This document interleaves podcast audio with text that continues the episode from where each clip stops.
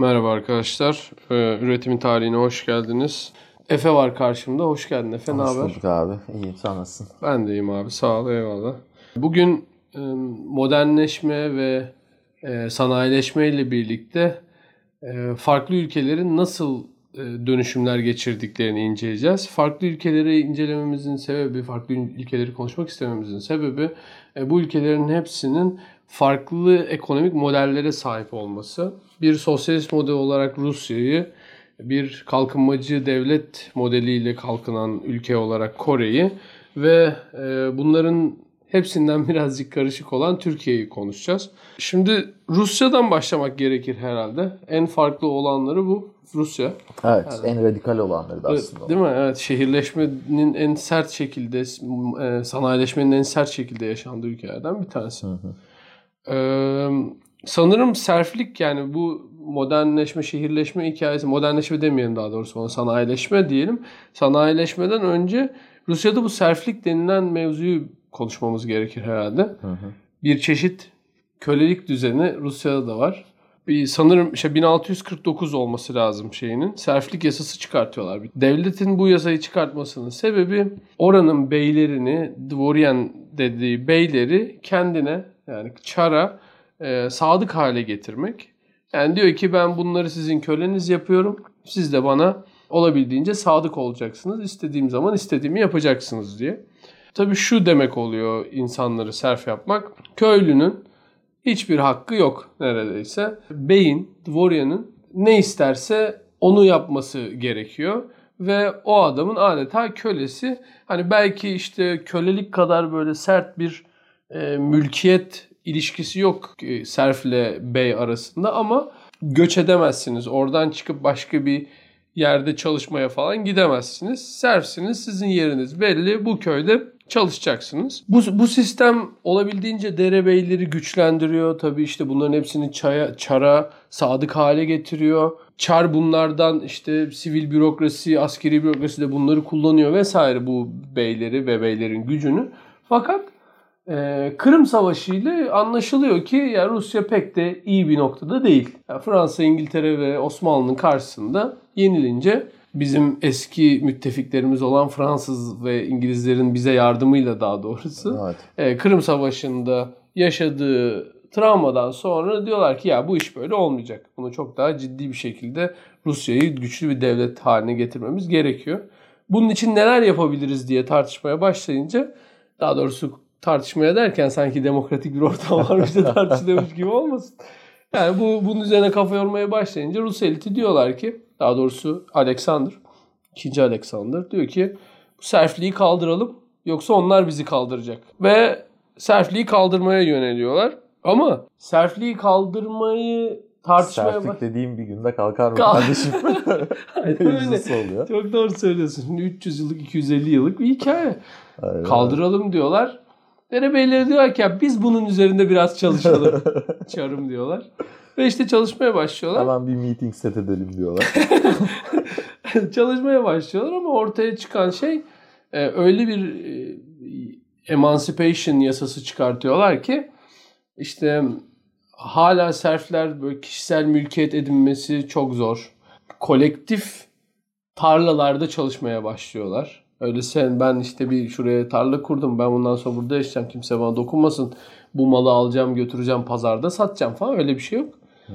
Sana böyle küçük bir şey e, bir tarla ayarlanıyor. Küçük demeyeyim bir tarla ayarlanıyor. İşte opşina dedikleri bir şey. O tarlada kolektif bir şekilde çalışıyorsunuz.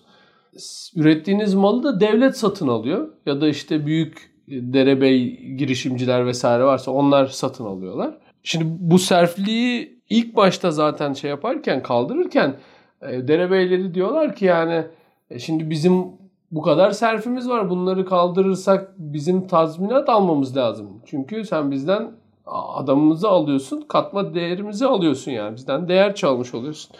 Sayın devletim yani bunları tazmin edecek misin falan. Tabii diyor tazmin ediyor devlet. Çok ciddi miktarlarda tazminat alıyorlar. E sonra bölüştürülebilecek o serflere aktarılabilecek toprakları kendileri belirliyorlar derebeylerin. En güzellerini kendilerine alıyorlar. En dandiklerini serflere veriyorlar. E serf dediğin adam zaten bir birikimi bir şey yok ki. e, gidip de işte kendi başına bir iş yapabilsin. Onun için de devlet kredi veriyor bunlara. Yüzde işte 80'ini devlet veriyor, yüzde 20'sini serfler veriyor. Ama öyle yüksek faizler ki adamlar ömür boyu faiz ödüyorlar. Kendi bir şey yapmak isteyen serflerde. En nihayetinde yine e, çok bir şey olmuyor. Yani 1910'lara falan geldiğinde işte %10'u nüfusun ancak kendi adına çalışan eski serflerden dayanım oluşuyor. Hı hı. Tabi burada yavaş yavaş şeyler başlıyor. Ee, hani kapitalist girişimler olmaya yavaş yavaş başlıyor ama henüz çok düşük seviyedeler. Zaten Çar çok hoşuna gitmiyor Çar'ın kapitalist adam dediğin. Çünkü diyor ki ulan yarın bunlar bana da kafa tutarlar çok zenginleşirlerse falan. Bu kapitalist dediğim bir garip bir model Rus için. Henüz böyle çok kendi ülkelerinde o gelişmiş olmadığı için. Ee, ha bu arada fun fact Ali 2. Alexander ilk intihar bombacısı bombasıyla öldürülen insan. Vay. Aynen abi. anarşist Rus bir anarşist. Diyor ki ben bu adamı öldürürüm lan kendime bomba pat bağlayıp diye. Ee, ve öyle öldürüyor. Onu da e, ruhu şad olsun Alexander'ın da bunu da not etmiş olalım. Ee, yani durum böyle. Sonra şehirleşmenin başlaması lazım abi artık yani bir sanayileşme bir, bir hareket lazım Rusya. Kocaman ülke 166 milyon nüfusu var. 1900'lerin başı 150 milyon mu? Öyle yani Tabii tabii. çok ciddi Vay. bir nüfusu var. Ama bir numara yok. Ya aslında orada biraz da şeye bakmak lazım. Şimdi Rusya bir Avrupa devleti ama Avrupa'dan ki diğer ülkelere göre çok unik bir tarafı var. Zaten Ruslar her zaman bu tarafıyla öne çıkartırlar kendi ülkelerinin. Aslında durum 1900'lerde de çok farklı değildi. Şimdi şeyden sonra 1500'lerden sonra işte o Moskova Prensliği'nin büyümesi, yavaş yavaş işte güneye doğru ilk önce yayılması, güneye ve kuzeye. Daha sonra da doğuya doğru yayılması hareketi var. İşte 1600'lerden sonra bu Sibirya bölgesi yavaş yavaş Rus şey frontiersmen İngilizce'deki e, işte şeyler tarafından frontiersmen Uç adam mı diye. Uç adam. Uç beyliği Uç var beyleri. uç beyleri tarafından yavaş yavaş e, doldurulmaya başlıyor. İşte o Uralların gerisine geçiş ve o bölgelerdeki işte göçebelerin yavaş yavaş o bölgelerden çıkartılması veya işte o göçebelerin Ruslaştırılması hem Ortodoks hem Rus Hı. eğitimi sayesinde ve oraya işte Rus nüfusunun akmasıyla birlikte Rusya yeni bir döneme giriyor. Daha sonrasında işte hem Orta Asya'daki Türkiye Kağanlıkların işte işgal edilmesi hem e, Kafkasya'nın işgal edilmesi hem de işte daha en sonunda da işte Ukrayna'nın e, ve Polonya'nın belli kısımlarının da alınmasıyla Rusya çok kozmopolit, çok uluslu bir imparatorluk haline geliyor. Şimdi buraya baktığın zaman Osmanlı ile aralarında şöyle bir fark var mesela. Osmanlı'da 1850'lere kadar aynı Rusya gibi işte hem yerleşik e, halkı olan hem göçer halkı olan e, farklı birçok dinden e, vatandaşı olan ülkeler, imparatorluklar. Ama Osmanlı bu 1850'lerde bu göçerlik problemini neredeyse tamamen ortadan kaldırıyor. Yani hani artık kendisine bir sorun teşkil etmeyecek şekilde göçerlerle işini bitiriyor. Ama Rusya'da durum böyle değil. Rusya'da hem Don Kozakları var, hem Tatarlar var, hem Orta Asya'da işte Türkiye kabileler var, işte aşiretler var, Türk aşiretleri var, işte Kazaklar var, e, Özbekler var, Kırgızlar var. Bunların tamamını yerleşik hayata geçiremiyor bir kere. Geçirmek gibi de aslında çok böyle hani direkt olarak bir amaçları da yok. Yani belli işte azınlıklar var. İşte Ermeniler, Azeriler, Gürcüler gibi yerleşik hayata geçmişler zaten bunlar. Veya işte Ukrayna'nın e, yerleşikleri işte Kiev'dir, e, Donbas'tır. Bugün de zaten hani çok konuşulan Hı. bölgeler. Veya işte Finlandiya gibi e, yerlerde zaten hani öyle bir problemi yok. Ama mesela işte Ukrayna'nın Polonya sınırı olan bölgesi işte Kuzey Ukrayna diyebileceğimiz Kuzey ve Batı Ukrayna'da ve yine işte Orta Asya'da bu göçerlerle bir şekilde anlaşıyor Ruslar. Na- nasıl anlaşıyorlar? İşte bu göçerler Ruslara asker temin ediyor. Rus ordusunun süvari gücünün önemli kısmı bu adamlardan oluşuyor. Buna karşılık Rusya'da bu insanların yaşam şekillerine, e, yaşama biçimlerine karışmıyor çok fazla. Ama işte bu bir problem çıkartıyor. size. Şimdi tamam e, 1800'lerin sonlarına kadar süvari savaş alanında bir şekilde kalıyor. E, ama artık yavaş yavaş yani hani gücünü kaybettiği ortada. Hatta işte bizim Kurtuluş Savaşı'ndaki süvari kullanımımız işte o büyük taarruzdaki süvari kullanımımız süvarinin bir savaşa kesin olarak etki ettiği son savaş olarak kabul ediliyor. Hı hı. Ki hani ondan önce de işte Birinci Dünya Savaşı'nda artık süvarinin çok önemli bir güç olmadığı neredeyse kesin olarak kanıtlanmış. Ruslar bunu görüyorlar aslında. Ama yapacak çok da fazla bir şey yok yani. Çünkü işte o geleneksel e, ordu düzenini veya geleneksel toplumsal yapıyı bir anda değiştirmek çok zor. Hele ki bu işte Charles Nikolay gibi çok da böyle becerikli olmayan bir kral, e, bir çarın elinde olunca durum iyice işler sarpa sarıyor. Ve 1918'e 17'ye 18'e işte savaşın artık Rusya için kaybedileceğinin kesin olarak anlaşılıp işte Rusya'da devrimlerin başladığı döneme geldiğimizde Rus halkı çok parçalı bir durum. Bir yandan işte etnik isyanlar var. Bir yandan işte şehirde sanayileşmeyle birlikte işte Bakü gibi, Moskova gibi, St. Petersburg gibi işte e, İkinci Dünya Savaşı'nda adından çokça söz edilecek işte Stalingrad gibi yerlerde ki o zaman adı Stalingrad değildi. İşçi isyanları başlıyor. E, bir yandan köylü halk aç. Çünkü işte köylü nüfusun önemli kısmı savaşa gönderilmiş ve birçoğu ölmüş. Bir yandan işte bu göçerler rahatsızlar durumdan. Çünkü hani hem işte savaşta ölüyorlar hem eskisi kadar prestijli değil yaptıkları iş vesaire vesaire. Yani evet. hani bu toplumsal kazan bayağı bir kaynıyor. Her imparatorluk gibi. Aynen. aynen öyle. Ve işte Sovyet devriminden sonra işler başka bir safhaya geçiyor ve aslında bir nebze daha fazla e, o kaynama seviyesi bir, bir üste çıkıyor. Neden? Çünkü e, hem Sovyetler bir işçi sınıfı yaratmak istiyorlar. Rusya çünkü bir iş, işçi toplumu değil. Hı. Hem de şeyde e, Rus İç Savaşı'nda Sovyetler şunu görüyorlar. Şehirlerde işçi sınıfı içerisinde kendilerine destek yüksek. Ama hem köylerde hem de bu göçerler arasında kendilerine destek hem çok düşük hem de bu adamlar bir şekilde kontrol altına alınamadıkları için yani göçer adam sonuçta hani yerleşik adama göre her zaman devlet iradesinden bir nebze daha bağımsızdır. Ve Sovyetler bunu istemiyorlar doğal olarak.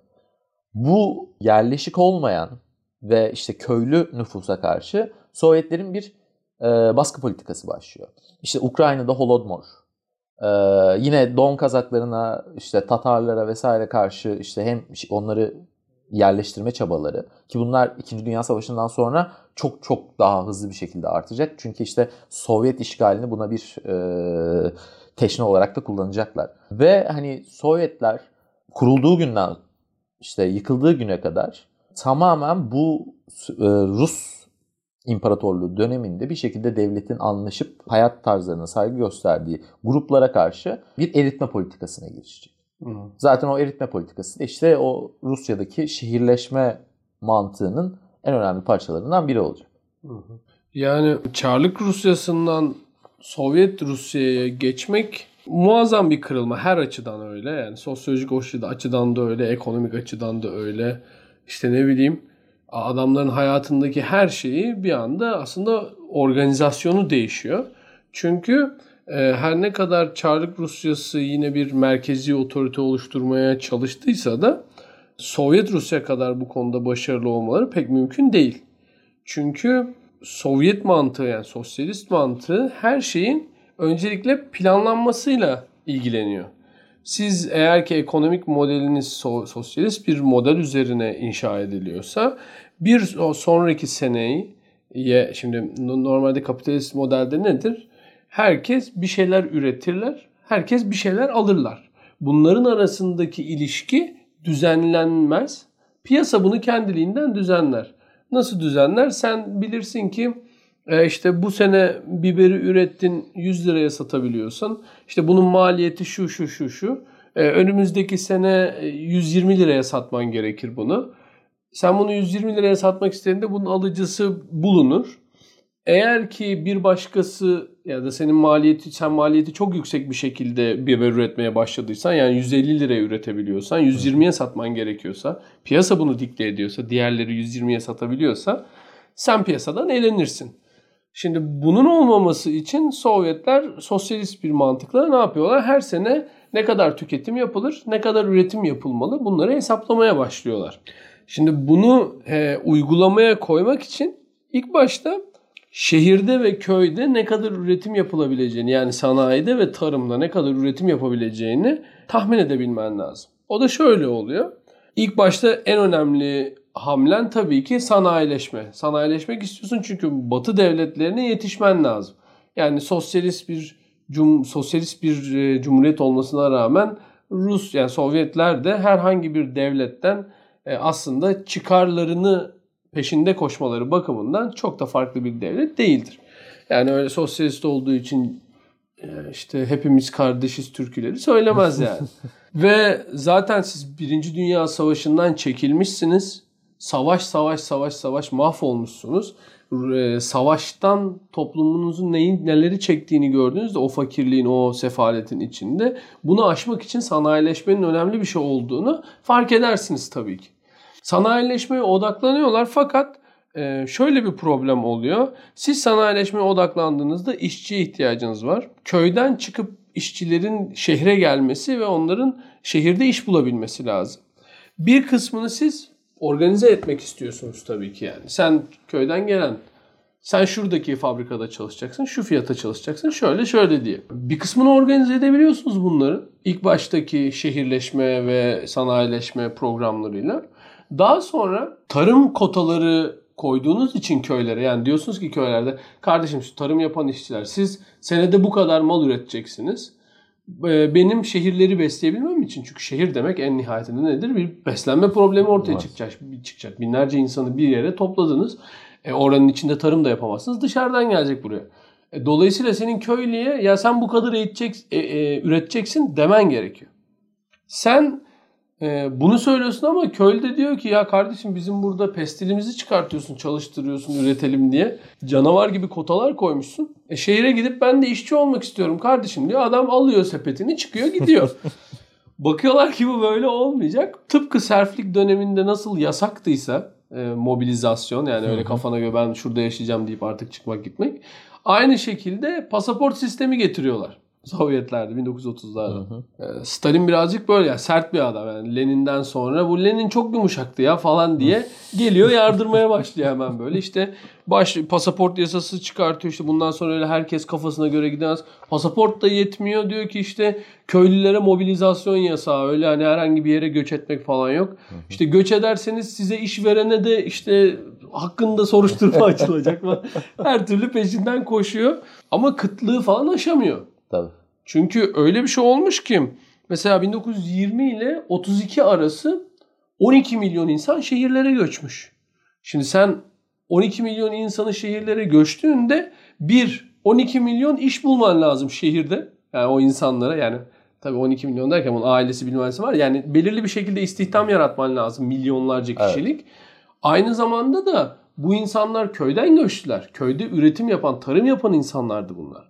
E bunların üretmemesinin getirdiği bir kıtlık durumu ortaya çıkmaya başlıyor. Onu da kapatman gerekiyor. Onu da kapatman gerekiyor. Dolayısıyla ne yapıyorsun? Bundan sonra kimse kıpırdamayacak lan herkes burada çalışacak yapmaya başlıyorsun ister istemez. Ve e, şöyle bir şey oluyor.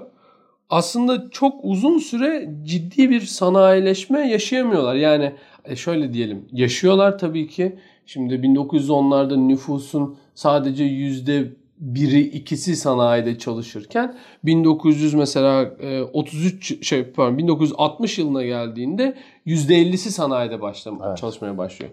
Keza bunu mesela Amerikan rakamlarıyla falan karşılaştırdığında da Amerika'da da işte %56 falan yani öyle hmm. bir şeydi. Çok böyle farklı bir rakam değil. Yakalamışlar. Yani. Çok başarılı yakalamışlar. Çünkü Amerika'nın sanayileşmesinden daha önce konuştuğumuz üzere yani iç savaşlarından bu yana zaten iç savaşlarından önce de evet. yardıra yardıra ya Aslında savaşlar orada önemli bir kısım. Çünkü şey hem o savaş döneminde rahat bir şekilde istediğiniz yasaları geçirebiliyorsunuz. Tabii, itiraz edemezler. Ee, kimse itiraz edemiyor.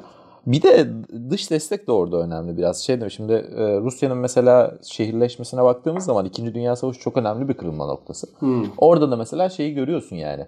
İşte e, hem Land Lease'le İngiltere ve Amerika'dan gelen işte sanayi ekipmanlarının Sovyet sistemine hızlı bir şekilde entegre edilmesi. Hı hı. Hem de İkinci Dünya Savaşı dolayısıyla işte tank üretimi, uçak üretimi, silah üretimi için bir sürü yeni fabrika kuruluyor.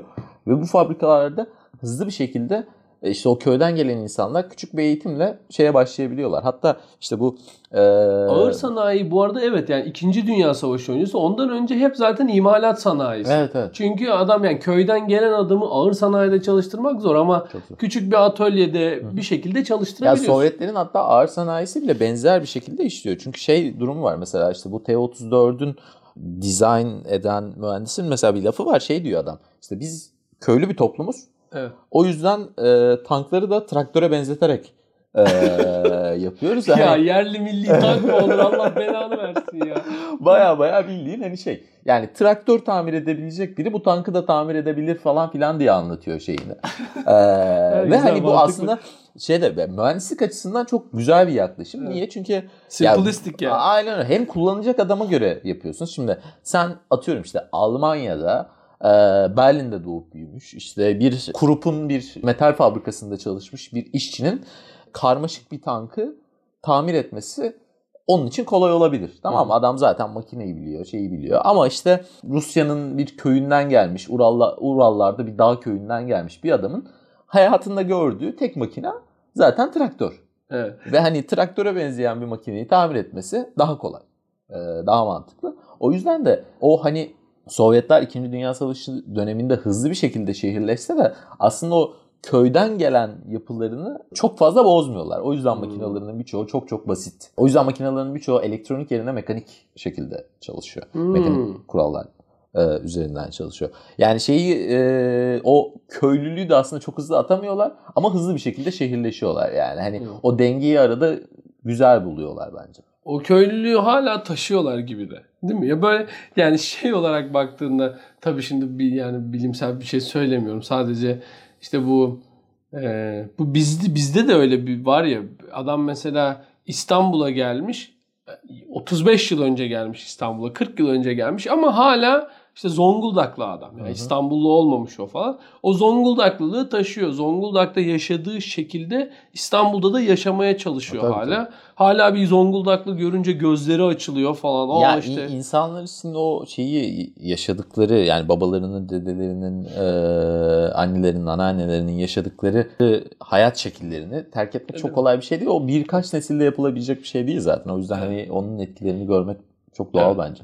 yani şey olarak baksak mesela İngiltere'de bir e, insanın e, bir insan demeyeyim insan nesillerinin 200 yılda geçirdiği dönüşümü Rusya'da Türkiye'de 45 yıla Evet, sıkıştırmaya çalıştığında Aynen böyle öyle. saçma sapan çok parçalı bir şeye Tabii, dönüşüyor. tabii, tabii. Ya Ve işte ve onun işte şey çok net e, şeyleri oluyor, göstergeleri oluyor. Yani Türkiye kısmına gelince daha daha açık konuşuruz bunları da. Ya işte mesela arabesk müzik diye bir şeyin var olma sebebi Türkiye'nin şehirleşme serüveni aslında yani. Hani Hmm? Türkiye'deki şe- şehirleşme serüveni olmasaydı biz işte belki İbrahim Tatlıses diye birini tanımayacaktık. Yani Böyle bir durum var. Evet olabilir. Doğru söylüyorsun. Çok da uzatmadan burayı kapatalım istiyoruz. Bir Hı hı. Sovyet e, ekolünde bu dönüşüm nasıl yaşandı onu konuşmuş olduk. E, bir sonraki bölümde Kore ile Türkiye'yi birlikte konuşuruz. Evet. E, çünkü hep Türkiye ile birbirlerine karşılaştırılıyorlar. İşte Kore'de şöyleydi, bu Türkiye böyleydi. Onda da darbe vardı, bunda da bu niye böyle oldu, bu niye böyle oldu diye. E, onu da birlikte konuşuruz. E, teşekkür ederim abi. Ben teşekkür Güzel ederim. sohbet oldu. Eyvallah. Ee, bizi desteklemeyi unutmayın. Biliyorsunuz Patreon'dayız. Patron olmanız için teşvik ediyoruz sizi sürekli. Size de bizi dinlediğiniz için teşekkür ederiz. Kendinize iyi bakın. Görüşmek üzere. Görüşmek üzere.